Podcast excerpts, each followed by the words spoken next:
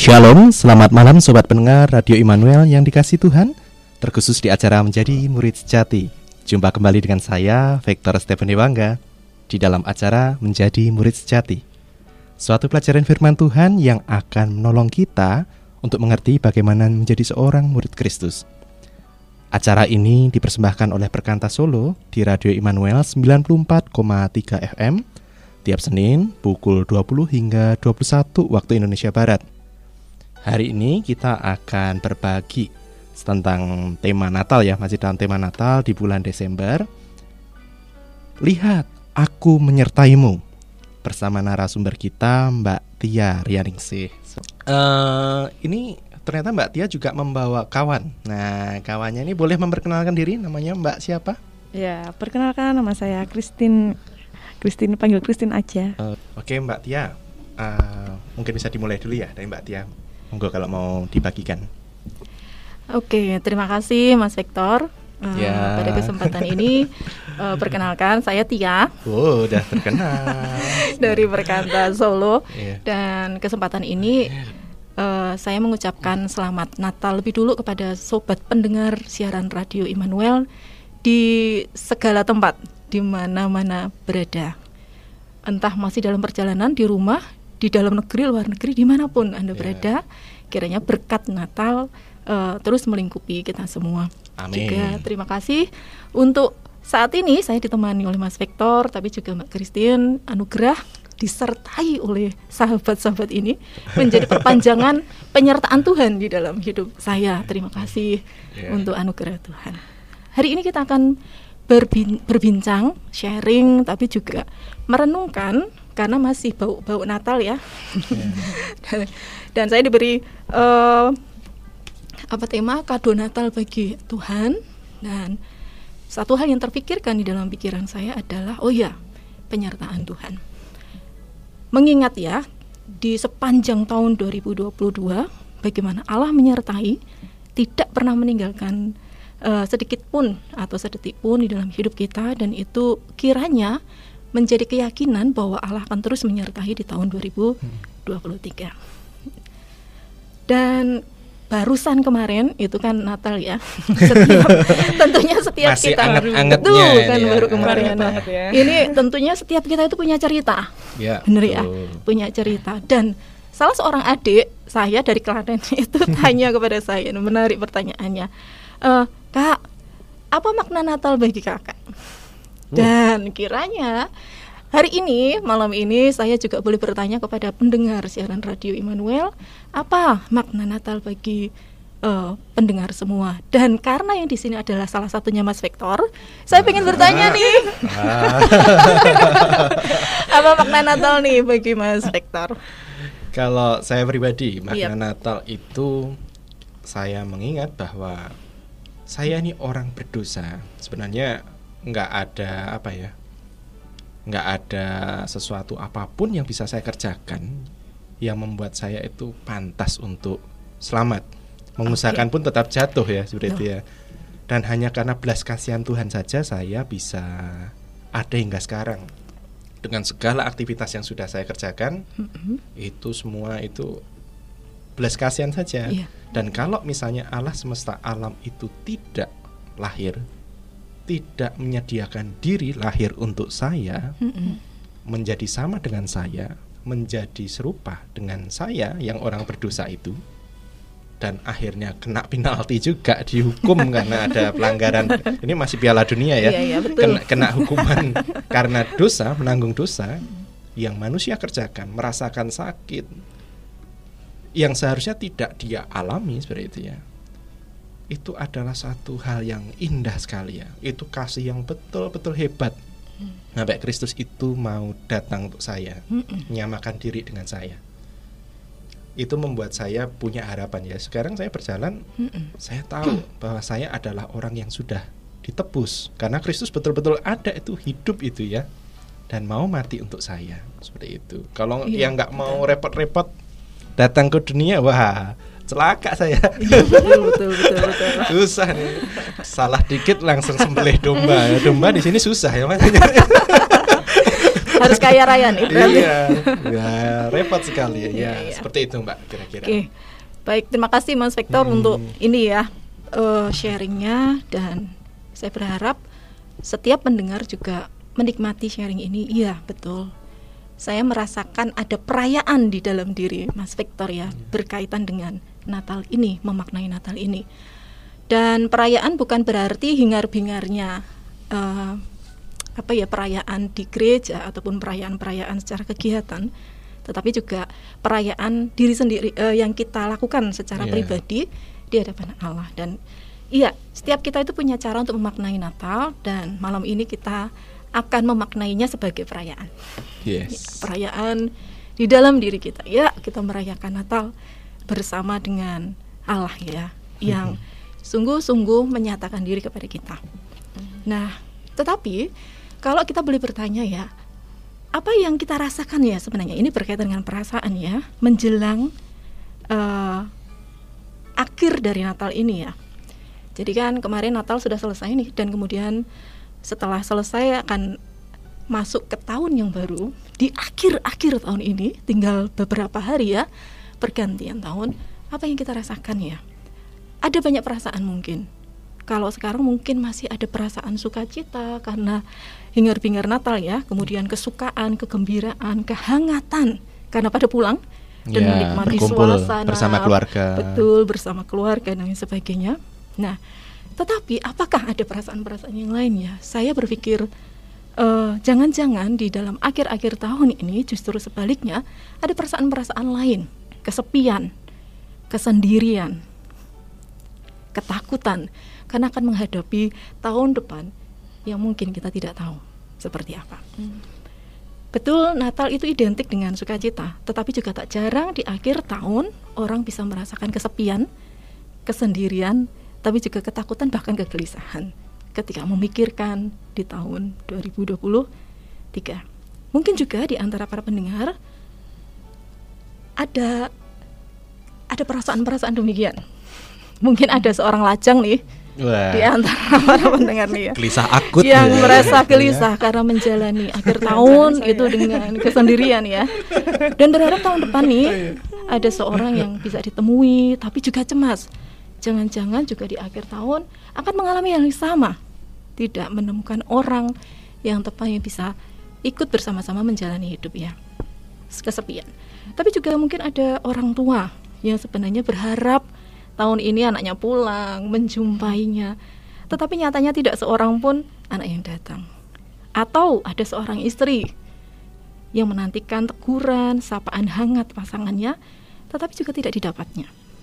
Ada seorang suami mungkin yang gelisah karena harus menanggung sendiri segala kesulitan keuangan mungkin ya atau kebutuhan-kebutuhan keluarga yang dia tidak mungkin bisa berbagi kepada istri atau kepada orang lain.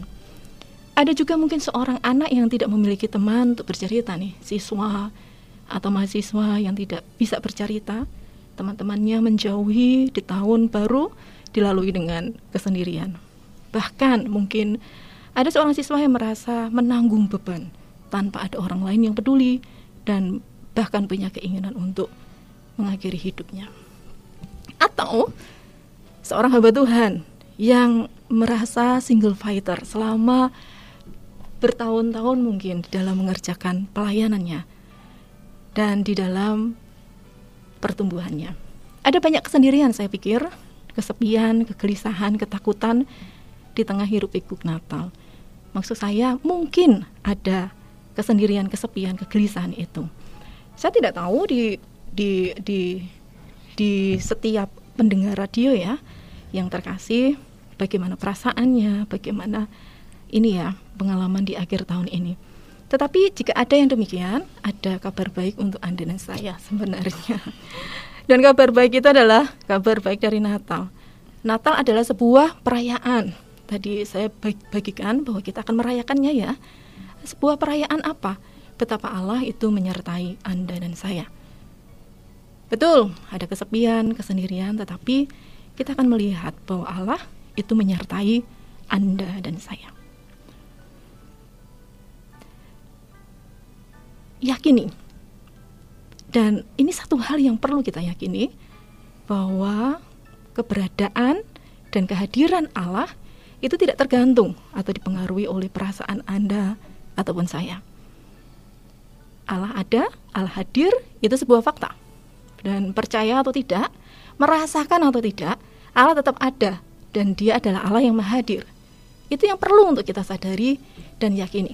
Betul, Allah itu menyertai Anda dan saya. Pendengar setia Radio Immanuel, di minggu kemarin kalau boleh mengingat ya, Mas Hirman sudah membagikan dan mengabarkan bahwa kedatangan Kristus didasarkan pada janji dan janji itu diberikan bahkan sejak kejatuhan manusia yang pertama. Fakta ini benar.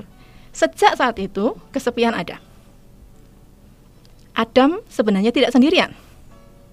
Ada Allah yang menyertai dan berrelasi. Kemudian ada Hawa. Tetapi sayangnya kejatuhan itu membuat manusia terpisah dengan Allah. Dan dengan demikian manusia juga terpisah dengan sesamanya. Sejak saat itu ada kesepian. Allah sebenarnya menciptakan manusia tidak pernah sendirian. Dia menciptakan Allah menciptakan manusia itu di dalam persekutuan dengan Allah. Tetapi manusia mengalami kesepian bukan karena kesendiriannya, tetapi karena keterpisahan dengan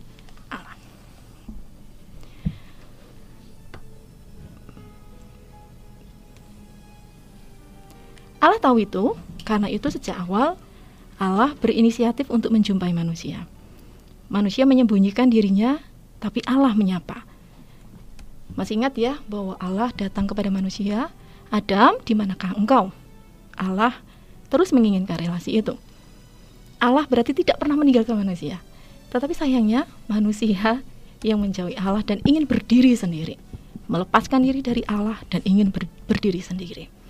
Bahkan Allah memberi janji induk pemulihan relasi di dalam kejadian 1 ayat 15 dan itu merujuk kepada Yesus Kristus. Sesungguhnya dengan demikian kalau kita bisa simpulkan Allah itu tidak pernah meninggalkan manusia. Sebagaimana pemberitaan di minggu kemarin, Allah di dalam sejarah manusia berkarya untuk mengembalikan relasi. Bukankah ini membuktikan bahwa Allah itu ada, hadir, dan bekerja di dalam dan untuk dunia? Dan puncak dari kehadiran Allah nyata di dalam penggenapan janji induk itu, yaitu di dalam kelahiran Yesus Kristus. Allah yang datang di dalam diri manusia. Nah, mari kita baca lebih dulu. Dari Matius 1 ayat 18 sampai 25, saya meminta Mbak Kristin untuk membacakannya bagi kita semua pembacaan tentang kelahiran Yesus. Baik, uh, saya akan membacakan di dalam Matius 1 ayat 18 sampai 25. Kelahiran Yesus Kristus. Kelahiran Yesus Kristus adalah seperti berikut. Pada waktu Maria, ibunya, bertunangan dengan Yusuf, ternyata ia mengandung dari Roh Kudus sebelum mereka hidup sebagai suami istri. Karena Yusuf suaminya, seorang yang tulus hati dan tidak mau mencemarkan nama istrinya di muka umum, ia bermaksud menceraikan dengan diam-diam. Tetapi ketika ia mempertimbangkan maksud itu, malaikat Tuhan nampak kepadanya dalam mimpi dan berkata, Yusuf, anak Daud, janganlah engkau takut mengambil Maria sebagai istrimu. Sebab anak yang di dalam kandungannya adalah dari roh kudus. Ia, melah ia akan melahirkan anak laki-laki dan engkau akan menamakan dia Yesus. Karena dialah yang akan menyelamatkan umatnya dari dosa mereka. Hal itu terjadi supaya genaplah yang difirmankan Tuhan oleh Nabi, sesungguhnya anak darah itu akan mengandung dan melahirkan seorang anak laki-laki, dan mereka akan menamakan dia Immanuel, yang berarti Allah menyertai kita. Sesudah bangun dari tidurnya, Yusuf berbuat seperti yang diperintahkan malaikat Tuhan itu kepadanya. Ia mengambil Maria sebagai istrinya, tetapi tidak bersetubuh dengan dia sampai ia melahirkan anaknya laki-laki dan Yusuf menamakan dia Yesus. Baik, terima kasih Mbak Kristin untuk pembacaannya. Nah, saya pengen tahu nih apa yang Mbak Kristin rasakan saat membaca bagian kitab ini. Dan terutama di bagian pernyataan Allah ya tentang Yesus Kristus. Hal ini terjadi supaya genaplah yang difirmankan Tuhan oleh Nabi Sesungguhnya anak darah itu akan mengandung dan melahirkan seorang anak laki-laki dan mereka akan menamakan dia Immanuel. Allah menyertai. Iya, oke. Okay. Ceritain yeah. pengalamanmu. Uh, tentunya uh, Perikop ini menceritakan, menceritakan tentang hidupku yang disertai oleh Allah. Okay. Benar, setuju sekali bahwa Allah menyertai hidupku. Uh, bahkan ketika aku tidak pernah punya bayangan tentang masa depanku. uh, kalau dulu kita sudah pernah ya ngobrol-ngobrol tentang kejuruan, awalnya uh, aku diriku SMK di perawat ya. Keperawatan SMK ya. keperawatan. Hmm, perawat. Ya. SMK Sekarang, perawat. Iya. Ini jangan di spill dulu ya. di sekolah perawat uh, adalah sekolah yang tidak pernah terpikirkan olehku Mbak Mas. Hmm. Karena tidak pernah punya cita-cita jadi perawat. Itu saya masuk di sekolah keperawatan karena uh, sudah pasrah dengan kakak, dengan orang tua yang ingin diriku masuk di perawat. Setelah aku menikmati uh, sekolah di situ belajar banyak, ternyata Tuhan menyatakan penyertaannya dengan apa? Dengan guru-guru yang baik, teman-teman yang baik, tetapi dengan diriku bisa mengikuti pelajaran di situ adalah penyertaan Tuhan. Oke. Tetapi tidak sampai situ saja. Ketika lulus SMK, mulai kalau lagi tadi ya kalau Mbak Tia sebutkan uh, kegalauannya salah satunya kesendirian. Okay. Saya merasa sendiri di dalam menentukan masa depan, tetapi tidak uh, Tuhan berbicara kepada saya melalui salah satu ayat di kitab Amsal bahwa masa depan juga ada dan harapan tidak akan hilang. Saat itu itu yang menjadi peganganku uh, untuk melangkah, melanjutkan mimpi. Sekalipun masih bingung, Tuhan aku mau ambil kuliah jurusan apa ya? Setelah mencoba berbagai hal ternyata Tuhan uh, mengin menginginkanku kuliah di swasta lagi SMK swasta kuliahnya yeah. di swasta dan di jurusan BK karena pernah terdorong mm -hmm.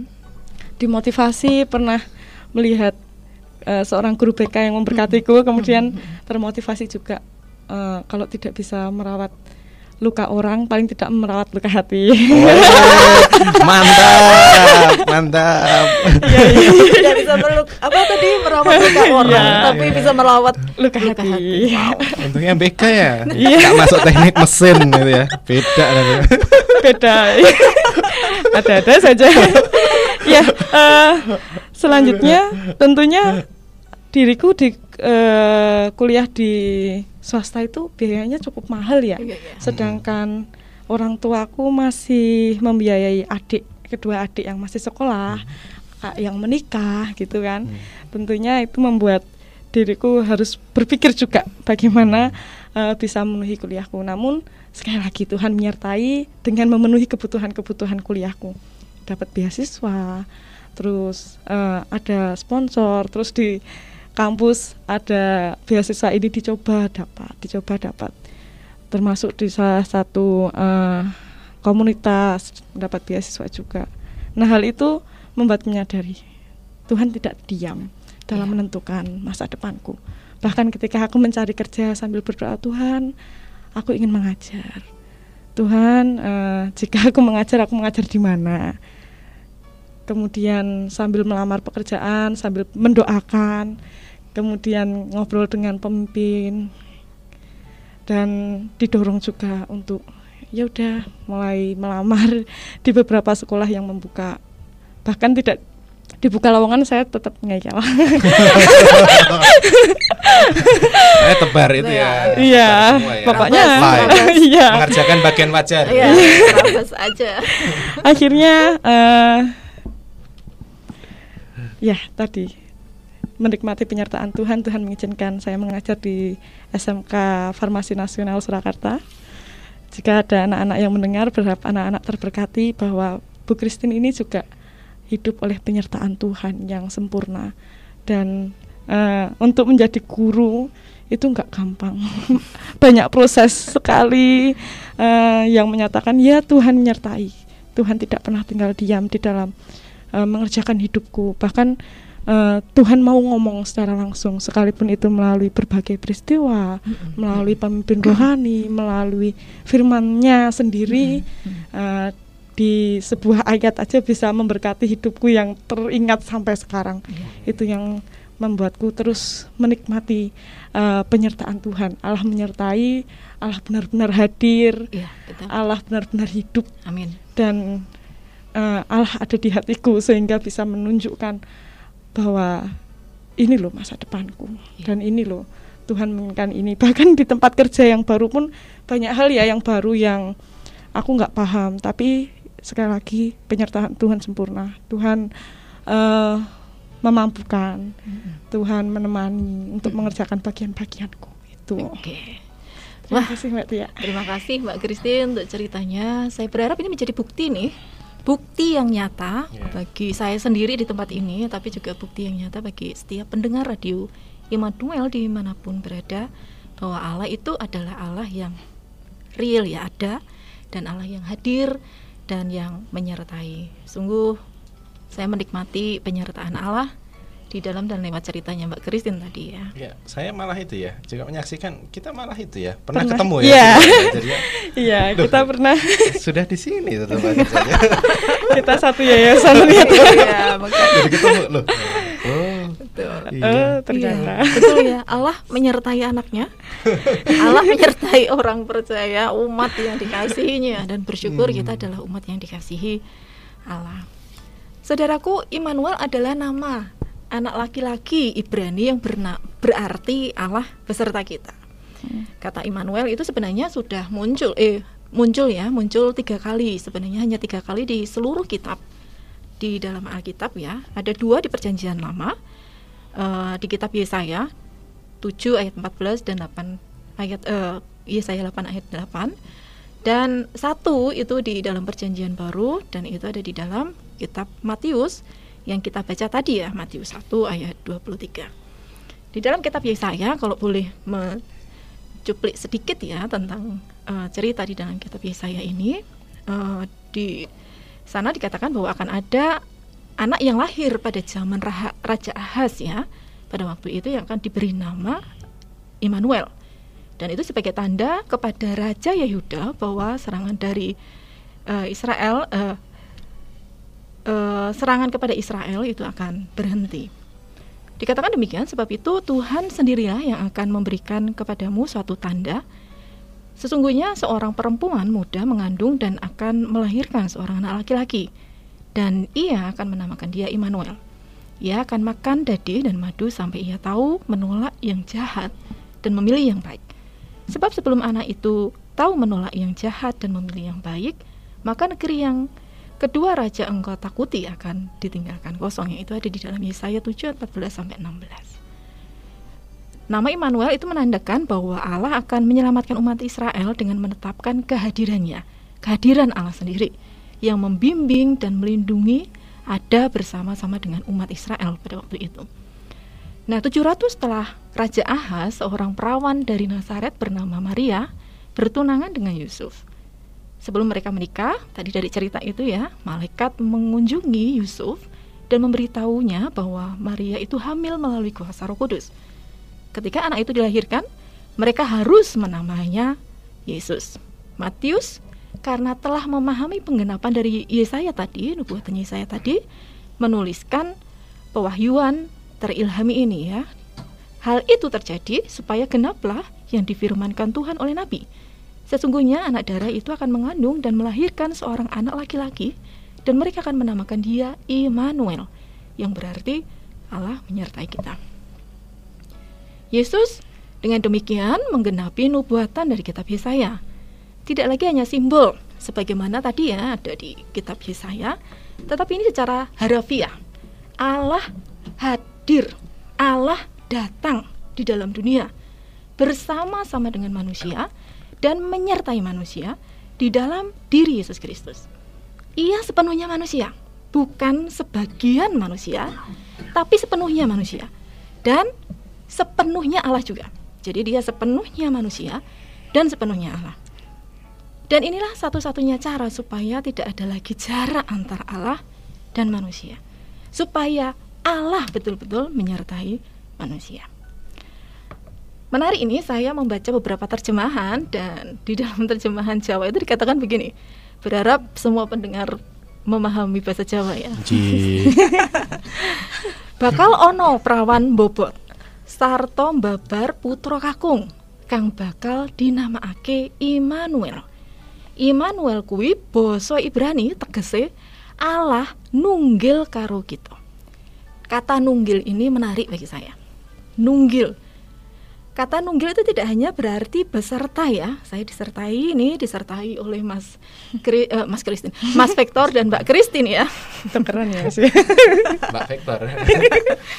Jadi betul tidak hanya disertai ya di sini, tetapi yang saya pikirkan adalah hmm, kata nunggil itu berarti menjadi satu. Hmm.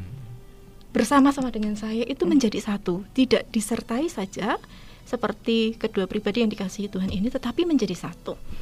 Ini berarti tidak ada pemisah, tidak ada penghalang lagi manusia bisa bersekutu dengan Allah, berhadapan dengan Allah. Betul, awalnya manusia memang diciptakan untuk itu ya, untuk bersatu dengan Allah di dalam persekutuan yang karib. Tapi dosa memisahkan manusia dari Allah. Dosa membuat manusia terusir dari hadirat Allah yang Maha Kudus. Ada pemisah antara Allah dengan manusia yang itu tidak bisa dijembatani.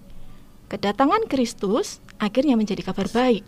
Ada cara manusia untuk kembali bersekutu, bersatu, dan disertai oleh Allah. Dengan demikian kelahiran Kristus menjadi satu bukti tak terbantahkan kasih sekaligus kuasa Allah yang sangat besar. Kalau kita bisa pikirkan bagaimana mungkin ya Allah yang menciptakan langit dan bumi itu datang ke dalam dunia Ya, dan repot -repot ya, betul ya ini. datang ke dalam dunia. Bagaimana pencipta itu bisa datang dan diam di antara ciptaannya? ciptaannya. Itu sesuatu yang mustahil dan sepenuhnya dia manusia. Itu mustahil bagi Allah. Tidak mungkin ada di dalam pikiran manusia, tetapi itu justru kebenarannya. Itu fakta. Orang percaya atau tidak, orang menerima atau tidak, itu fakta. Itu sesuatu yang terjadi. Dari keempat Injil, Matius mengenal Yesus itu sebagai Immanuel, Allah yang hadir dalam dunia ciptaannya, inkarnasi yang hidup, mujizat Allah yang menjadi manusia dan berdiam di antara manusia, supaya lewat manusia Yesus Kristus ini, manusia tidak hanya kembali bersama Allah, tapi juga pada akhirnya bisa mengenal Allah. Yesus mengungkapkan siapa Allah dan kebenaran Allah itu lewat pribadinya. Jadi kehadirannya itu menunjukkan siapa Allah itu sifat-sifatnya itu menunjukkan siapa Allah dan pekerjaannya itu menunjukkan pekerjaan Allah. Yesus adalah Allah yang bersama-sama dengan kita dalam wujud iman uh, insan manusia. Dan Injil dari Yohanes itu mengungkapkan uh, dan menggambarkan dengan begitu mendalam ya tentang inkarnasi Yesus Kristus ini. Saya akan bacakan ayat 1 itu pada mulanya adalah firman. Firman itu bersama-sama dengan Allah dan firman itu adalah Allah. Ia pada mulanya bersama-sama dengan Allah. Firman itu menjadi manusia dan diam di antara kita dan telah melihat kemuliaannya yaitu dan kita telah melihat kemuliaannya yaitu kemuliaan yang diberikan kepadanya sebagai anak tunggal Bapa, penuh kasih karunia dan kebenaran. Dikatakan dalam bagian ini bahwa firman itu adalah Allah, ada sejak semula. Dan firman itu telah menjadi manusia, diam di antara manusia. Yohanes mengatakan bahwa ia telah melihat kemuliaannya yang diberikan kepadanya sebagai anak tunggal Bapa. Yohanes lihat sendiri ya, bersama-sama dengan bersama-sama dengan bersama-sama dengan uh, manusia ya. Maaf, Mas Vektor. Sungguh betapa ini ya. Uh, Yesus itu uh, dengan demikian ya kita uh, dan siapa yang dimaksudkan oleh Yohanes di sini? Tentu saja Yesus Kristus. Dengan demikian, jelas bahwa Yesus Kristus adalah Allah yang datang, tinggal diam dan hadir di dalam dunia di antara ciptaannya, yaitu manusia. Kalau kita bisa memikirkan dan merenungkan betapa istimewa sekali kelahiran Kristus itu agung dan mulia. Tapi untuk apa sih Allah itu hadir di dalam dunia lewat Yesus Kristus? Di dalam dan lewat Yesus, Allah berjalan bersama-sama dengan manusia. Sebagaimana dulu manusia pertama itu berjalan bersama-sama di Taman Eden. Bisa bayangkan ya. Jadi Dulu Allah dan manusia itu berjalan bersama-sama di Taman Eden. Oleh karena dosa, tidak lagi ada pengalaman yang seperti itu. Dan manusia Yesus itu berjalan bersama-sama dengan manusia. Sebagaimana dulu manusia pertama itu berjalan-jalan berjalan bersama-sama dengan Allah. Manusia bisa merasakan kehadiran Allah secara nyata. Allah tetaplah sama, Maha Kuasa, tapi bukan lagi Allah yang jauh, yang tidak bisa digapai. Allah menyatakan diri kepada manusia di tengah-tengah manusia, merasakan apa yang dirasakan manusia, menghadapi apa yang dihadapi manusia, dan dengan demikian Allah mengetahui dan mengerti pergumulan manusia. Kesedihan, keletihan, ketakutan, bahkan kesendirian, terutama karena dosa. Immanuel itu adalah Mesias. Itu e, dari perikop tadi ada dua pernyataan tentang Yesus. Dia tidak hanya Immanuel, tetapi juga Mesias yang adalah juru selamat. Allah yang beserta itu adalah Allah yang menyelamatkan manusia dari dosa. Yesus datang sebagai Mesias sekaligus Immanuel bagi dunia ini, bagi semua orang. Tapi apakah semua orang serta-merta mengalaminya? Tidak. Hanya orang yang percaya dan mengakui Yesus adalah Mesias dan Immanuel lah yang diselamatkan dan mengalami penyertaannya. Benar, kelahiran Kristus bagi semua orang, tapi hanya orang yang percaya yang dapat mengalaminya.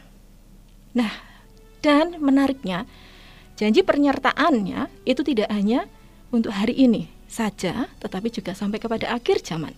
Di dalam Matius 28 ayat 19 sampai 20 dikatakan ketahuilah aku menyertaimu senantiasa sampai kepada akhir zaman. Dan ini menarik. Kenapa? Karena kitab Matius diawali dengan pemberitaan tentang Yesus yang adalah penggenapan dari nubuat Allah akan datangnya Mesias yang adalah Immanuel Allah menyertai dan diakhiri dengan janji bahwa Yesus akan terus menyertai sampai kepada akhir zaman. Nah, apa pentingnya menyadari penyertaan Allah bagi orang percaya? Bagaimana Natal bisa memak kita Natal ya bisa kita maknai sebagai perayaan. Sobat pendengar, uh, saya berharap untuk sobat pendengar sekiranya mungkin ada testimoni mungkin ya testimoni selama selama tahun 2022 ini terkait tentang penyertaan Tuhan uh, mungkin satu atau dua bisa deh saya bagikan nanti kalau misalnya ada oh, ya, betul. misalnya ada yang tidak membagikan oh ya pengalaman Tuhan seperti apa silahkan anda tulis ya diketik ya sekarang ya di 0857 4399 3111 0857 4399 3111 Semisal ada yang tidak membagikan testimoni terkait bagaimana penyertaan Tuhan saya memberikan kesempatan kepada sobat pendengar di 0857 4399 3111. Baik, uh, Mbak Tia, ini ada pertanyaan demikian. Apa sih pentingnya menyadari penyertaan Allah bagi kita orang percaya? Bagaimana Natal bisa kita maknai sebagai perayaan penyertaan Allah bagi kita orang percaya?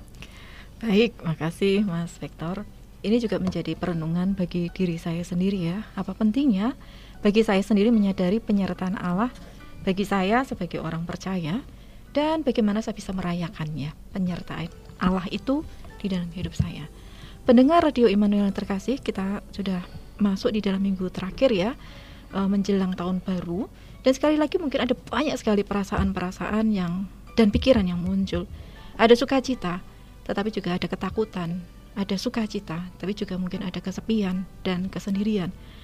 Uh, terimalah perasaan-perasaan itu sebagai satu alarm ya justru untuk kita um, memiliki waktu ya berdiam diri dan kembali menyer, uh, meyakini penyertaan Allah. Menyadari penyertaan Allah itu akan menolong kita menyadari kebutuhan kita akan Allah.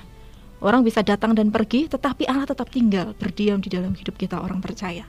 Kita nggak pernah sendiri. Kita butuh Allah karena kita tidak bisa mengupayakan segala sesuatu sendiri dengan kekuatan dan kemampuan kita. Menyadari penyertaan Allah akan menolong kita untuk berseru, bersekutu setiap waktu tanpa dibatasi oleh cara atau metode untuk bertemu dan berbincang dengan Allah, meminta pertolongannya di mana pun kita berada dan dalam keadaan apa pun juga. Itu penting sekali menyadari penyertaan Allah itu. Jadi saya berharap di tahun 2023 kita bisa menyongsong tahun 2023 itu dengan harapan oleh karena kita tahu bahwa kita disertai Allah dan Allah di dalam seluruh kekuatan, kuasa dan kasihnya. tapi juga menyerta, uh, menyadari penyertaan Allah menolong kita melihat pekerjaan Allah dalam hidup kita dan bersyukur. Sekalipun kita tidak menyadarinya ya terus-menerus bahwa Allah menyertai tetapi dia tetap Allah yang menyertai. Jadi kehadiran Allah itu tidak pernah tergantung dengan perasaan ataupun ini penting ketaatan kita. Hmm, Bahkan ya, saat saya sedang tidak berhasrat dengan Allah, Allah tetap menyertai. Bahkan saat saya sedang di dalam ketidaktaatan kepada Allah, Allah tetap menyertai, menyertai. saya. Dia Allah ada hadir bersama dengan saya apa pun keberadaan hidup saya. Sebagai orang percaya, Allah benar-benar bekerja di dalam hidup kita ya dan itu tidak pernah meninggalkan. Allah memberi pertumbuhan, perubahan hidup sekalipun nampak kecil. Pengenalan akan diri sendiri yang nampaknya makin buruk tetapi sebenarnya cara Allah memulihkan dan membangun ulang hidup kita. Dan ada banyak hal cerita-cerita di tahun 2023 dan itu membuktikan penyertaan Allah yang besar. Menyadari penyertaan Allah juga menolong kita untuk makin jauh dari dosa sebenarnya. Allah beserta kita bukan hanya pada saat kita sedang beribadah atau bersekutu dengannya, tetapi juga bahkan saat kita menikmati dosa. Mau saya ngomong gini ya.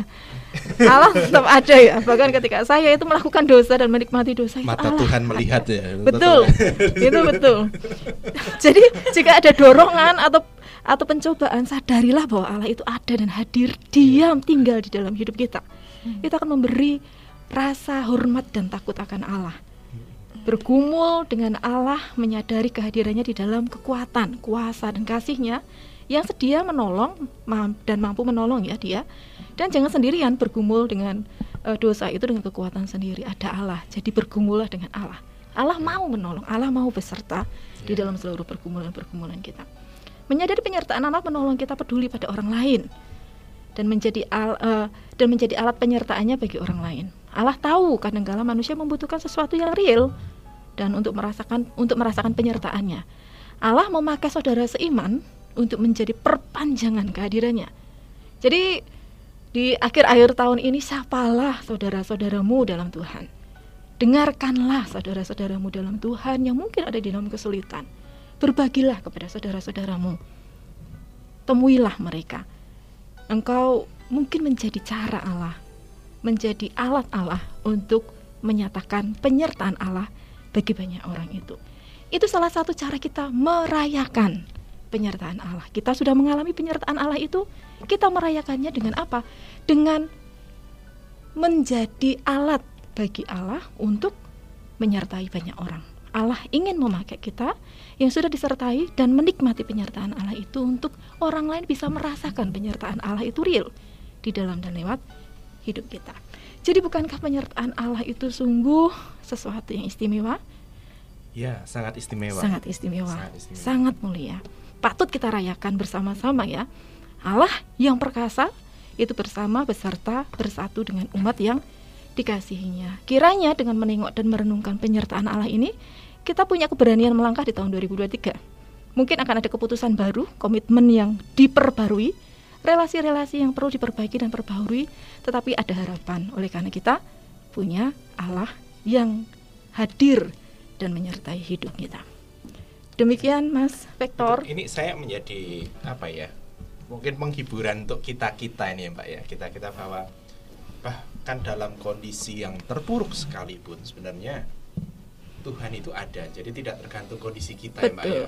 Bahkan ketika jatuh dalam dosa, bahkan kita sedang melakukan dosa pun sebenarnya iya atau kan menikmati dosa itu bahkan sedang menikmati dosa itu Allah itu ada, ada di sana itu betul ya dan dia pun sebenarnya tidak ragu untuk dimintai pertolongan. pertolongan. Itu betul sekali. Nah, itu hari-hari ini kan kita juga melihat ah, ini rasanya aku cici sekali ya iya, diriku betul, ya. Betul. Aku merasa tidak layak, merasa kotor sekali.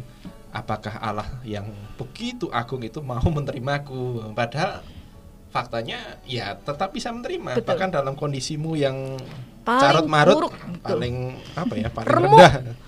Paling hancur. Ya. Allah masih ada. Lihatlah Allah beserta denganmu. Ya Immanuel itu ya. Iya itu betul. Immanuel.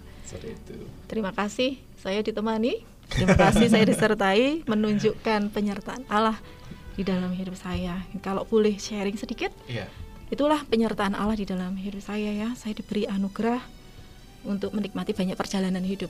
Termasuk di dalam perjalanan sehari-hari. Saya banyak di jalan nih motoran dan lain sebagainya. Tapi saya menyadari bahwa Allah itu ada real menyertai. Justru ketika saya ada di jalan raya. Okay. saya di jalan raya ya. Mantap ya. jalan raya.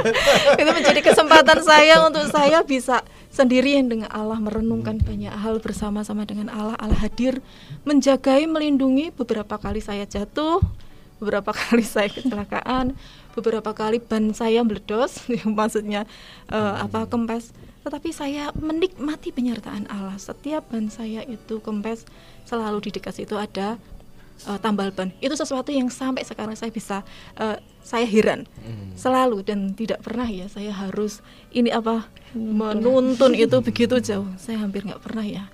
Itu hal sederhana tetapi saya maknai sebagai penyertaan Allah ya yang begitu uh, detail di dalam hidup kita. Hal-hal sepele pun Allah tahu itu berarti membuktikan bahwa dia ada tinggal diam di dalam hidup saya. Jadi yeah. Termasuk dalam mengambil keputusan-keputusan penting itu ada di ketika saya di dalam perjalanan sebenarnya. itu itu menjadi mesbah doa saya perjalanan hmm. di motor mobil itu menjadi mesbah doa mengambil keputusan untuk saya akhirnya melayani di Klaten itu salah satunya keputusannya ketika saya dalam perjalanan pulang dari Klaten ke Solo melihat Klaten Tuhan saya belum punya hati yang besar bagi Klaten ini. Tetapi kalau engkau menginginkan saya melayani kota ini, maka engkau yang akan memberikan hati kasih yang besar kepada Klaten. Dan kalau saya bisa sampai ke Klaten uh, sampai hari ini, itu juga karena kemurahan Tuhan itu, penyertaan Tuhan di dalam hidup saya. Terima kasih Mas Vektor. Oke, okay, baik.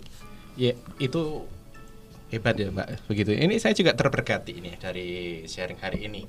Saya melihat, oh Tuhan, ini tahunnya udah mintip-mintip ini ya. Mintip-mintip apa ya? Sudah di ujung. Sudah di ujung 2022 ya. 2023 konon katanya itu itu masa-masa yang oh, iya, berat betul. ya. Masa-masa yang berat betul. nanti wah serba ceritanya itu gelap gitu, gitu ya. ya, menakutkan gitu ya. Tetapi yang kita alami, pengalaman-pengalaman yang sudah kita alami melihat bahwa Tuhan itu beserta kita dan Betul. Berarti kan Tuhan nggak cerita ada sampai kapan ya, ya sampai akhir zaman ya. Iya. Maksudnya Nyertanya, sampai kapan ya? Oh, tanggalnya sampai 31 oh, Desember enggak, 2022 enggak. gitu ya. Waduh.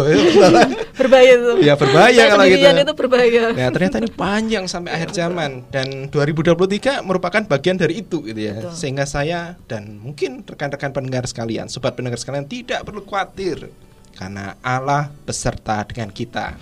Di depan rasanya gelap, tetapi kalau ada Tuhan, ada Yesus, aman hidupmu seperti ya. Aman hidupmu. seperti ya. Betul. Baik, uh, mungkin Mbak Tia ada mungkin poin-poin yang perlu sedikit dibagikan seperti itu. Sebenarnya sudah dibagikan sudah dan disimpulkan ya, tetapi ini ya, kelahiran Kristus sekali lagi menjadi bukti tak terbantahkan, menjadi penting ya bahwa Allah ada, Allah nyata dan berinisiatif untuk hadir di dalam dunia. Ini berinisiatif untuk dikenal, disentuh, didengar, dirasakan. Allah bersama-sama di tengah-tengah dekat dengan kita dan ketika kita menyadari betul uh, saya berharap kalaupun kita khawatir, takut, kita tahu bahwa Allah beserta dengan kita. Okay. Ini sangat istimewa, mari kita sama-sama rayakan. Hore. Demikian sobat pendengar siaran menjadi murid sejati hari ini. Jangan lupa untuk terus mendengarkan siaran Radio Immanuel menjadi murid sejati di 94,3 FM tiap Senin pukul 20 hingga 21 waktu Indonesia Barat. Kita jumpa lagi minggu depan, tetap di hari dan gelombang yang sama. Selamat malam, Tuhan Yesus memberkati.